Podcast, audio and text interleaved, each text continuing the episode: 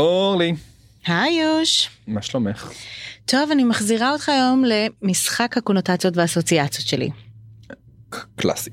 כן, אתה עם הסיפורים, אני עם הקונוטציות. אוקיי. אז איזה קונוטציה עולה לך לראש כשאני אומרת גללים של סוסים? גללים וסוסים במשפט אחד זה כבר מעניין. אני אוותר על קונוטציה ורוצה לדעת ישר לאן את הולכת עם זה. לי זה מתקשר לזיהום תחבורתי, כי הרי לפני שהיו לנו רכבים מזהמים, היו סוסים מזהמים לא פחות. בלונדון בלבד הם ייצרו 500 טון צואה ביום. בניו יורק, עוד יותר. שלא נדבר על כל הריח והחגיגה שהייתה ברחוב עם הסוסים האלה.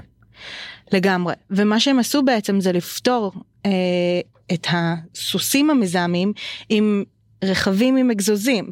בסוף המאה ה-19 החלו להופיע רכבים שהמשיכו לזהם את הרחובות, הן מבחינת האוויר והן מבחינת הרעש. החליפו זיהום אחד בזיהום אחר. ואת יודעת מה הכי אבסורד? מה? שבדיוק באותו זמן, זאת אומרת לפני יותר מ-100 שנה, רכב חשמלי הומצא.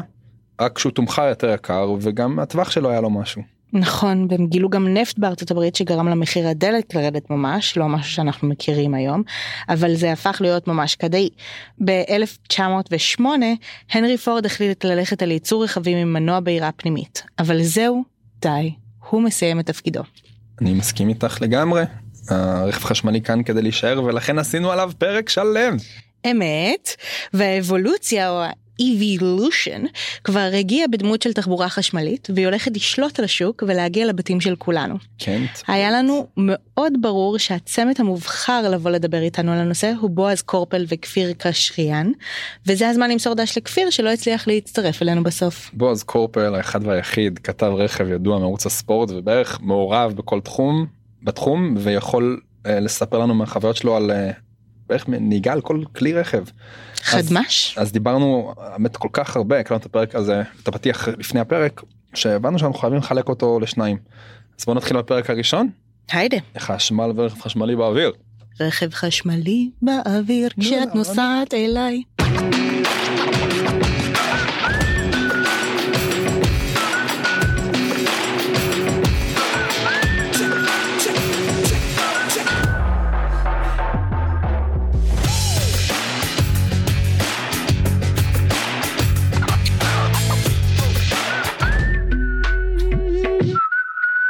קורה? אה, וואו, היום אני... קורה לי טוב, קורה לי טוב בכל הגוף, כי אנחנו הולכים לדבר על אחד הנושאים הכי מרגשים, וזה ככה הפרקים הראשונים שלנו שייתנו לנו רקע על הרבה הרבה הרבה ממה שהולך אה, לקרות בהמשך. דיברנו בפתיח, אבל תגידי לי שוב על מה הפרק בעצם. הפרק היום הוא על הרכב החשמלי, אם uh, הפודקאסט כולו הוא על המהפכה שמגיעה בתחום האנרגיה והמהפכה שמגיעה בתחום התחבורה החשמלית, אז אנחנו היום נדבר על המבואות, על הבסיס, על הדבר הזה, וכשדיברנו שנעשה את הפרק הזה, היה לי מאוד מאוד מאוד ברור מי הולך להיות כאן היום, וזה ידידנו יקר, בועז קורפל, Mm, שהוא חובב טכנולוגיה מושבע, נכון. הוא לא רק מדבר על כל הכלים שיצאו והגיעו לכאן לארץ, הוא חווה אותם, הוא הרגיש אותם, הוא יודע מה ההבדל ביניהם, הוא בגדול פירק והרכיב גם כמה, הוא התנסה בהם בארץ ובחו"ל, אה, ואני חושבת שהוא אחד השדרנים המגניבים שיש היום בתחום התחבורה. עם כזה קרדיט, תודה. רבה, חבר'ה, התה נהדר, ויאללה בוא נסיים. על הבית. אה, אמ, קודם כל תודה רבה. נראה לי עם פתיחה כזאת, שאלה מתבקשת זה איך הגעת לפה היום? איך התניידת אה, לכאן? איך הגעתי לכאן? במכונית הקטנה והפשוטה שלי, שבדרך כלל מפתיעה את רוב מי שפוגש אותי בדרך, והיו היום שניים, שדי נעלבו בשבילי, כאילו, אתה נוסע בכל כך הרבה מכוניות, מדבר על טכנולוגיה וזה, ואתה נוסע בזה, כאילו, זה בושה. אה, אמרתי, כן חבר'ה, צנוע, לא היברידית ולא חשמלית, מכונית בנזין, אבל צנועה, עם מנוע קטן. ואתה לא רואה את עצמך עובר? כן, ולא לא מאיזושהי מניעה כרגע או דחייה או משהו כזה כדי לחפש את הדבר האולטימטיבי, יש המון אופציות. אה, זה יקרה, בטוב או לא, אם אני רוצה או לא רוצה, ו... ואני רוצה, אה, וזה עניין של זמן. זה יקרה, אני חושבת זמן. זה יקרה לכולנו, ובגלל זה אנחנו ככה מדברים על המהפכה הזאת. בעיקר שמע על זה מכמה שיחות סלון. ו- בעיקר הצביע ברחוב אמר טסלה, טסלה. כן, וגם ו- זה ייעלם תכף כנראה. זה ייעלם, אבל זה פתח לנו לא מעט צ'קרות, נכון, הטסלה הזאת ש... נכון. שהגיעה לישראל, ולפעמים אפילו גם אה, החבר הזה שאומר, אה, מה, ויש לזה קרינה, ומישהו אחר עם השפעה ניסיונות, אז מכירה את זה כשהעליתי אה, אופנועים חשמליים. תראי, זה לא, זה, הטבע של האדם הוא נגד חידושים ושינויים. זה הטבע של האדם, זה לא משנה מה. נסו לשכנע או להסביר להורים שלכם על משהו מאוד מתקדם שאתם שולטים בו ביום יום. אתם תזהו את ה... לא צריך, יש לי את זה, אני כבר רגיל. לא צריך להעמיס יותר מדי, מנגד תנו את זה לילד ותראו איך הוא מתאקלם ומסתדר עם הדבר הזה בשניות וזה הטבעי שלו. אז מטבע האדם זה לדחות. דווקא בגלל שאנחנו ישראלים ואנחנו מתים על טכנולוגיה ומתים על חידושים. גם ההיבט של לאהוב את זה, להשתמש בזה, וגם להראות שאנחנו מעודכנים, ויש לנו את הדבר הכי חם בידיים. אנחנו מקבלים רכב שהוא נראה אותו דבר לפעמים מבחוץ, mm-hmm. אבל שונה לגמרי מבפנים. אני לא בטוח שגם הוא נראה אותו דבר מבחוץ, כי העקרונות של המכונית החשמלית, מעבר לעובדה שהיא מונעת באנרגיה חשמלית, זה לשמר את האנרגיה הזאת ולאפשר לנו להאריך טווח של נסיעה עד כמה שרק אפשר. יצרניות, יצרניות הרכב רוצים, אה, רוצות לעשות את הטרנספורמציה הזאת מבנזין וחשמל וחוויית השימוש לרבות חנייה ורדיו ומולטימדיה ותדלוק וכל דבר, רוצים לעשות את זה מאוד דומה. כדי להילחם בתופעת הדחיינות של השינוי, כי הם יודעים שבני אדם דוחים דברים ולא רוצים. לגמרי. המכונית זה אתה, זה התדמית שלך. לגמרי. זה גם מה אתה עושה, אה, זה גם מה אתה משדר. אני חדשני, אני עדכני, אני מחובר, כי האוטו בא עם כל מיני פיצ'רים וכל מיני דברים מגניבים, אז אני, אני כזה, אם הוא כזה, גם אני כזה, אני לא יכול לנסוע בזה סתם. כאילו, אני חייב להיות מחובר לדבר הזה, כי אם אני לא מחובר לדבר הזה וזה סתם עטיפה, אז חבל על הכסף, מה עשיתי פה עם, עם כל הדאווין הזה. אז מכונית חשמלית, אה, פרט לעובדה שהיא צריכה לשמר את האנרגיה כדי שאנחנו נאריך טווח בנסיעה, כי זו אחת הסוגיות הכי גדולות ברכב חשמלי, אם לא רע. אחד האמצעים לעשות את זה, זה להפוך את המכונית למעין יצור אווירודינמי, על חשבון הרבה דברים אחרים, לפעמים נוחות אפילו, או עיצוב, כדי להרוויח את העוד טיפ טיפונת, התנגדות, התנגדות של האוויר, ועוד כמה קילומטרים נסיעה על אותה בטריה. זה, כן. זה חלק מהעניין. שניכם אה, אה, חוגגים כבר את הטכנולוגיה ואת החדשנות, מה זה אומר בתכלס רכב חשמלי? עד היום הייתי רגיל לתדלק דלק, בעצם טעינה, כי נכון, מכניס זרם. נכון. טוב, סיימת. שמתי סוללה מלאה, מה זה בעצם אומר? מה, מה קורה עכשיו? נכנס לאוטו, מניע את המנוע? כן, נכנס למכונית, נכנס, נכנס למכונית, אין יותר מפתח, אין יותר מפתח, יש לוחץ, לוחץ על הלחצן. מה שקורה זה שהסוללות מלאות, מהסוללות למנוע יש ביניהם את הבקר. והבקר הוא גם דבר סופר חשוב בתוך הרכב, אבל הוא בעצם מבקר את האנרגיה שיוצאת מהסוללות אל תוך המנוע. וזה קונספט שניסיתי להסביר המון במעבר, ואני חושבת שהיום לא מספיק עדיין מסבירים, במעבר מרכב, מנסיעה ברכב בנזין לרכב אה, חשמלי, יש את הבקר, שהבקר הוא לא ייתן לך לעשות מה שאתה רוצה. אם אתה לוחץ על הדוושה עכשיו עד הסוף, אז כביכול אתה אמור להוציא, כמו בדלק, אתה מוציא מהדלק ומכניס נכון. מכניס לתוך נכון. המנוע, אבל הבקר הוא מווסת בעצמו והוא מחשב בעצמו והוא לא ייתן ליותר מדי אנרגיה להיכנס לתוך המנוע. כי אחרת זה ישרוף אותו. אז מה קורה? במצב כזה שאתה מתנהג לרכב חשמלי כמו בנזין, אתה שורף אנרגיה, אתה מבזבז אותה והיא פשוט מתאדה באוויר. ואתה מאבד טווח? מאבד טווח. מה צריך לעשות, וזה הטריק הכי גדול שיש לי לכל מי שמאזין היום ועובר לרכב חשמלי. כשלוחצים על הדוושה, תמיד ללחוץ, ואז להחזיר טיפה טיפה טיפה אחורה, אפילו זה בקורקינטים. פעם הבאה שאתה נוסע בקורקינט, כן, כן, תחוש את זה. גם אם תיתן עד הסוף, הוא לא באמת ייתן לך את כל העוצמה, תן, ואז לאט לאט לאט לאט תחזיר. יש שם נקודת אופטימום, ששם הבקר אומר לך אוקיי זה בדיוק מה שאני צריך זה בדיוק מה שאני מרשה גם אתה לא מבזבז את האנרגיה ומשאיר את הטווח. וזה חברים הדרך לנסוע ברכב החשמלי. תפיסת השימוש והנהיגה במכונית חשמלית במודל המושלם נקרא, נקראת e-Pedal. e-Pedal זה אומר דוושה חכמה, intelligent pedal.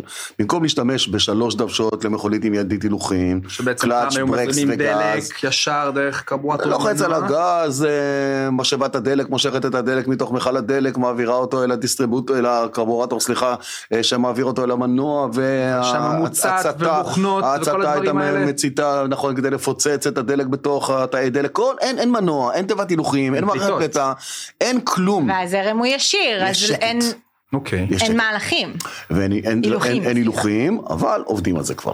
אה, ואתה אפילו יכול לשלוט ברמה של הבלימה, כי במנוע יש פחמים ומברשות, ואז אתה יכול בעצם לגרום למנוע, לא ניכנס פה לתורת החשמל אה, של גירון חלק א' או ב', אבל עדיין אתה יכול לגרום למנוע לבלום את עצמו, כמו ברכב בנזין. והבלימה הזאת הופכת את המנוע לסוג של... גנרטור. גנרטור. גנרטור. שמטעין חזרה את הסוללות. נכון, והפעולה הזאת באמת נקראת רגנרציה. אתה נכון. עושה רגנרציה, אתה לא גנרטור, אתה מחזיר, בעברית זה נקרא אחזור אנרגיה. אה, אתה מחזיר... לא הכרתי. כן, כן, אחזור עם א' בהתחלה. מחזר את אתה מאחזר את האנרגיה, וממלא את הסוללה שלך בחזרה, והנה פטנט שלא קיים בשום מכונית בנזין. אתה לא יכול להחזיר בנזין לטנק דלק, אתה יכול טיפה לנסוע לנסוע כמו ללטף את הדוושה ולצרוך 1 ל-20. רכב חשמלי יכול להכפיל את הצריכה הרגעית של בית. נכון. עד להכפיל, אה, פשוט כי זה המון המון אנרגיה. זה לא אמור להעיק, זה לא אמור להעיק על, על הרשת הביתית שלך, אוקיי? זה לא אמור להעיק חוץ מעל החשבון. אבל אם את עושה את החשבון באוטו ובחשבון החשמל מול חשבון הדלק, את מגלה שקילומטר במכונית בנזין נע סביב 8-9 אגורות, בעוד שקילומטר במכונית, במכונית אה, חשמל נע בין 8-9 אגורות, במכונית בנזין 80-90 אגורות. כלומר, הנסיעה של כל קילומטר במכונית חשמלית זולה עשרה מונים פחות מאשר במכונית בנזין, נכון להיום, לפני שהטילו מיסים על החשמל ועוד כל מיני דברים כאלה. בעוד שבבנזין נכנסת, 95 כולם, נגיד, שמת, בום, מתמלא, או שהגבלת עם הכרטיס אשראי, שלום ותודה, אתה לא חושב בכלל. נהגתי דיזל עד היום. במכונית חשמלית, מאוד תלוי איפה אתה טוען אותה, בבית או בחוץ. אז בוא נגיד שבבית כולם אותו דבר לצורך העניין. בחוץ, לא כל המטענים אותו דבר. נכון. כל המטענים שיש בחוץ שקרנים, כולם שקרנים, לכאורה. מה זה מטען שקרן? לא תגיע לפה תביעה. כי על המטען כתוב לך שהוא 50 קילוואט, 100 קילוואט, 150 קילוואט, טסלה, סופר צ'ארג'רים, 300 קילוואט. זה נכון, אבל לפיק של שניות בודדות. כי כשאתה תבוא לטעון את האוטו, אתה אומר, וואו, אם הוא שם לי 300 קילוואט בחמש דקות, האוטו שלי מלא כבר מ-0 ל-100, וואו, אני יכול לטעון פה 700 קילומטר בדקה. סוללות לא מתנהגות ככה. לא יקרה. הן מתחממות בעוצמות כאלה, זה לא... הוא מגיע בפיק למה שכתוב על המטען, אבל הוא מהר מאוד צונח פחות או יותר לחצי, אוקיי? אז גם המטענים המהירים האלה שבחוץ, א', הם לא מיועדים לטעינות מלאות. כלומר, אתה רוצה לטעון את האוטו שלך מלא, סבבה, תטען, זה עולה מלא כסף. הם מיועדות לספיישן דש, בוא קח שלוק של 100 קילומטר ב-10 דקות, כנס לאלה, שתה קפה, תצא, יש לך עוד 100 קילומטר על האוטו וסע. באמריקה זה קריטי, כי אתה צריך את המרחקים. פה, זה לא ממש קריטי, נתקעת באיזשהו מקום בצפון ואתה צריך להגיע למרכז. מה הבעיה כל כך? כאילו, רק בירידות מרמת הגולן אתה מחזיר חצי מהבטריה שאיבדת בעליות, הכל בסדר.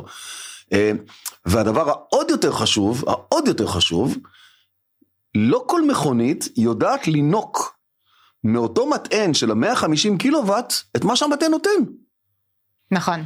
כשנגיע לטווחים של אה, אלפים וזה ככה יהיה far from ה... א', אנחנו לא נגיע לטווחים של אלפים.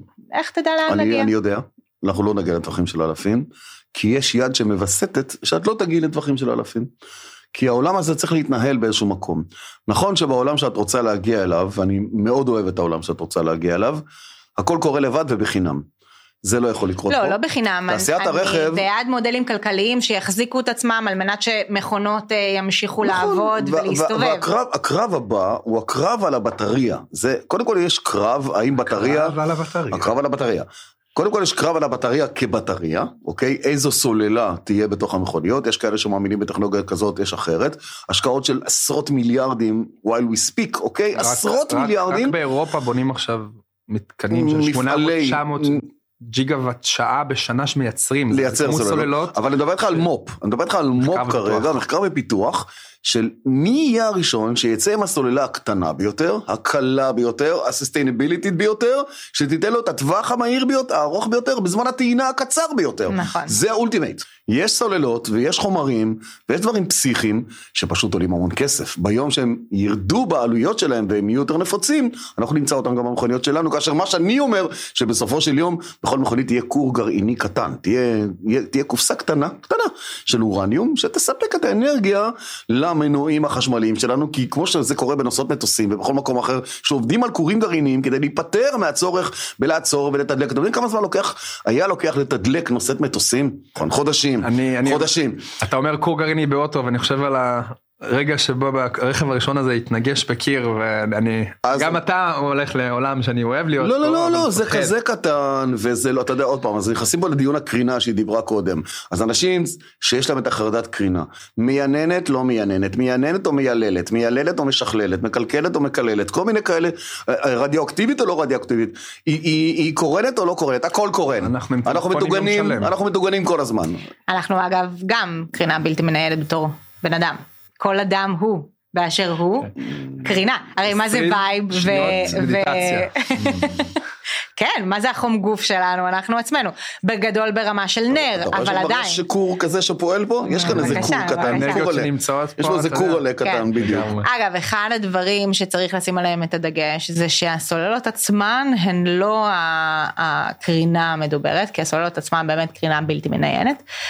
מה שכן אה, יכול ליצור קרינה זה מתחים גבוהים שעוברים בקווים חשמליים. ואת יודעת באיזה עוצמות מדובר?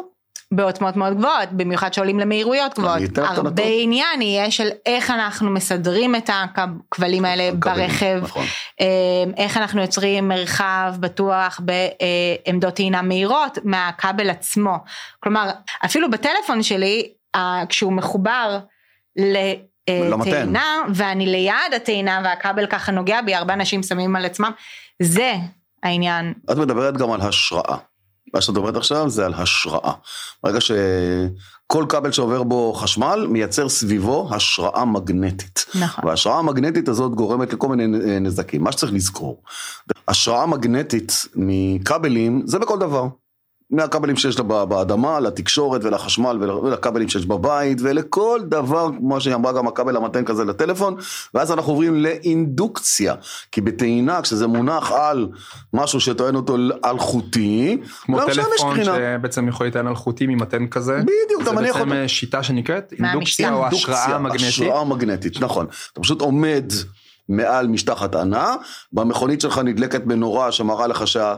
המקלט, המקלט אצלך באוטו יושב בדיוק מעל המקרן, מעל זה ששמת את הטלפון על, המש, על המטען, ואז נדלקת המנורה שאתה מתחיל אה, לטעון, אותו דבר יהיה לך באוטו, הטעינה התחילה, אז הוא זיהה אותו, צא מהאוטו, שלום, תלך, תחזור לאוטו, תניע, לא כבל ולא שום דבר. זה בטוח לחלוטין. בטוח, בטוח, בטוח, בטוח, אני לא יודע, אתה יודע, בסוף תמיד צריך להגיד לכאורה, כי יהיה פה מישהו בסוף הדרך שזה יהיה לא בטוח, ואז יבוא ויתבע אותך, או אותי. הרבה, הרבה מסתכלים על איך להשתמש ו... ומה לעשות ובין הציבורי לשטחים פרטיים ואיך עושים את כל הדברים האלה. או הציבורי יש גם את, ה, את החברה הישראלית. אלקטריון שבעצם עושה את זה באספלט והם יוצרים נת"צים שהם יטעינו אלחוטי נכון, אלקטרומגנטי נכון, נכון. ופשוט אה, אתה תוכל אפילו לוותר על הרבה מכמות הסוללות שקיימות אה, באוטובוס. המשחק יהיה מאיפה אני מביא וכמה שיותר מהיר בזמינות הכי טובה אנרגיה לתוך הסוללה שלי לשמר ולאפשר לך. אנרגיה שהולכת לאיבוד אחר. כן ולאפשר לך לעמוד בטווח שאת רוצה להגיע כל המטרה היא לתת לך להגיע ליעד שאת רוצה או שאתה רוצה. רוצה, בלי שתצטרך לחשוב על חרדת הטווח, כי זה מה שהיה פה בשנים האחרונות, וואו, אם אני לא אגיע... ובמודל העסקי זה הולך להיות משחק. נכון. מי מוכר חשמל, וזה שכל אחד יוכל להפוך להיות מוכר חשמל, ומה שנקרא שיהיה פה חשמל באוויר. חשמל באוויר. יש פה חשמל באוויר. חשמל באוויר. אני, השארתם אותי, ככה דיברנו על סוללה, ואני רוצה נקודה שאותי נורא מעניינת. אה, אה, והסוללה, אתה יודע, אנחנו בטלפון שלנו. לאט לאט אה, כבר לא מחזיק את היום השלם ולפעמים אפילו לא חצי יום ואם אתה מכור לסוללה שלך אז גם לא הרבה פחות אה, אה, מה, מה יקרה שהסוללה שתיגמר בין אם בהיברידי ובין אם ברכב חשמלי אני בא למוסך ואומר שלום נגמרה לי סוללה. נכון תידלק נורית התראה כזאת שתגיד לך לא כשהיא נגמרת כבר שאתה מתחיל לאבד כוח כשאתה תיכנס לאוטו כשהוא חדש ותטעין אותו לך. בדיוק הוא יראה לך. prediction, זו תחזית, זה אף פעם לא המרחק האמיתי. זאת אומרת לא שהסוללה נגמרה האנרגיה שבתוכה אלא שהיא כבר לא מסוגלת להיטען מחדש ולקחת אותי אם זה ברכב חשמלי לטווח שאני רוצה ואם זה בטלפון להחזיק יום שלם למשל. הנה המשפט שהמצאתי אותו ואני לוקח לעצמי את הקרדיט ואין לי שום בעיה בדבר הזה. נכון. תהיה נחמד לסוללה והסוללה תהיה נחמדה אליך. זה בדיוק המשחק. אה, שם הפרק. כשהסוללה תרד בכוחה ל-70 אחוז, תדלק נורית אזהרה, שתאמר לך, גש למוסך ותטפל בסוללה, או שיחליפו אותה, או שאחד מהמודולים, או כמה יותר, או יותר מאחד מהמודולים שבתוכה, כי מה זה סוללה? זה מארז סוללות בעצם, שיושב ברצפה של המכונית, שיושבים בו מלא מצברים, כמו מצבר שיש במכונית שלנו נכון להיום, whatever. אז מחברים אותם ביחד, לתוך קופסה כזאת, לתוך כלוב, הוא מוגן, שמור, מבוטח, שאם יהיה תאונה גם שזה לא יתפוצץ ולא יזלוג חומר, ועוד ועוד ועוד מיליון דברים כאלה, ולא תהיה קרינה, וזה לא ישאיר אה, אה, עם יולדת, המון דברים נחמדים, ובסוף, אה, זה רק אומר שאם הכוח של הדבר הזה יורד, התצוגה שתקבל בהתחלה, שהתרגלת, כשהסוללה ב-100% זה נותן לך 500, פתאום תגיד, אה? 100%? זה נותן לי 300. 300? מה קרה? איך זה ירד ל-300? אני רגיל ל-500. מישהו גנב לי סוללה בלילה, הוציא. בדיוק, ואז זה סימן ראשון ומובהק לזה שהמארז הסוללות שלך מאבד מכוחו. התעייף. נכון, ואז אתה הולך למוסך, שולפים אותו. שמים אותו על מתקן, מחברים לו, ממש כמו בחדר ניתוח, מחברים לו מכשירים שונים ומשונים, ראיתי, צילמתי פעם את הדבר הזה. בלנסינג. נכון. שולפים אותו, מתוכו מוצאים את התא החולה, מכניסים תא חדש, מאזנים את כל המארז סוללות, so called balancing, ומחזירים אותו חזרה לאוטו, וזהו, happy life. רגע, אז מה זה רכב היברידי? כי, כי, כי יש מלא כאלה ושם כן יש mm. סוללה. היברידי כלאיים, שהחליטו במדינות בעלות המצפון שהממוצע של פליטת המזהמים של כל הדגמים של כל יצרן חייב להיות ברף מסוים. מי שיהיה מעל הרף הזה, בממוצע שלו, ישלם קנס. אלמלא הדחיקה של רף הזיהום, היינו נשארים היברידים for life. אם לא דוחקים בהם להוריד עוד את פליטת המזהמים, למה שיעשו עוד היברידים ועוד חשמליים ועוד תמיד זה מעניין. זה נשמע מסובך אבל, מנוע רוצים... חשמלי ליד לא, מנוע לא, לא, לא, לא, זה עובד, זה היה, זה תמיד קיים, הכל בסדר, זה באמת לא מסובך. ארוכה עוד הדרך, אבל ב-2025 הוכרז שרמת הזיהום הממוצעת תרד מ-95 גרם לכל קילומטר בממוצע לכל המכוניות של אותו יצרן ל-85 גרם, שזה נתון ששום יצרן של מנוע יכול לעמוד בו, לא יכול, אתה לא יכול להמציא, אין, אין דלק שיכול לספק לך טוהר בתפעול שלו כדי לשמור על המכונית בתזוזה ולא להוציא זיהום. ברמות האלה. כלומר, מראש אמרו לך, תעשה חשמלי או משהו אחר. go electric. go electric או go home. זה, זה, זה הסיפור. ולכן אמרו יצרניות הרכב, למה אני צריך לחכות עכשיו עד לזה? יש לי מנועים חשמליים, המציא אותם ווסטינגהאוס, שהמציא את החשמל ואת הקטרים החשמליים עוד לפני אלף שנה. מאה ה-19. הם היו נכון, בהתחלה. נכון. מוניות חשמליות היו בספרד ב-1800 ומשהו, עם בטריות שהיו בגודל של חצי בית בערך, כבר היה, מנועים חשמליים תמיד היו, הכל עבד בסדר. למה שלא נשתמש בזה עכשיו? וואו אז דיברנו כל כך הרבה על רכב חשמלי והסוללה וחוויית הנהיגה עם נקודת הזווית האידיאלית של הבקר שאורלי סיפרה עליו וממש חידש לי. דיברנו המון ואני רוצה לשמוע גם מה יקרה בדיוק בישראל ואיזה דגמים יכולים להגיע לכאן ואיך תראה בכלל חוויית טעינה אבל אה, נשאיר את זה לפרק הבא מה דעתך אורלי? כן, תודה לבועז על החלק הראשון ואנחנו מחכים ככה לחלק השני ותודה למשרד האנרגיה שתומך בנו ולנו פילטרס שהקלטנו אצלם באולפן. יאללה, מחכים לחלק השני, חשמל באוויר. היידה.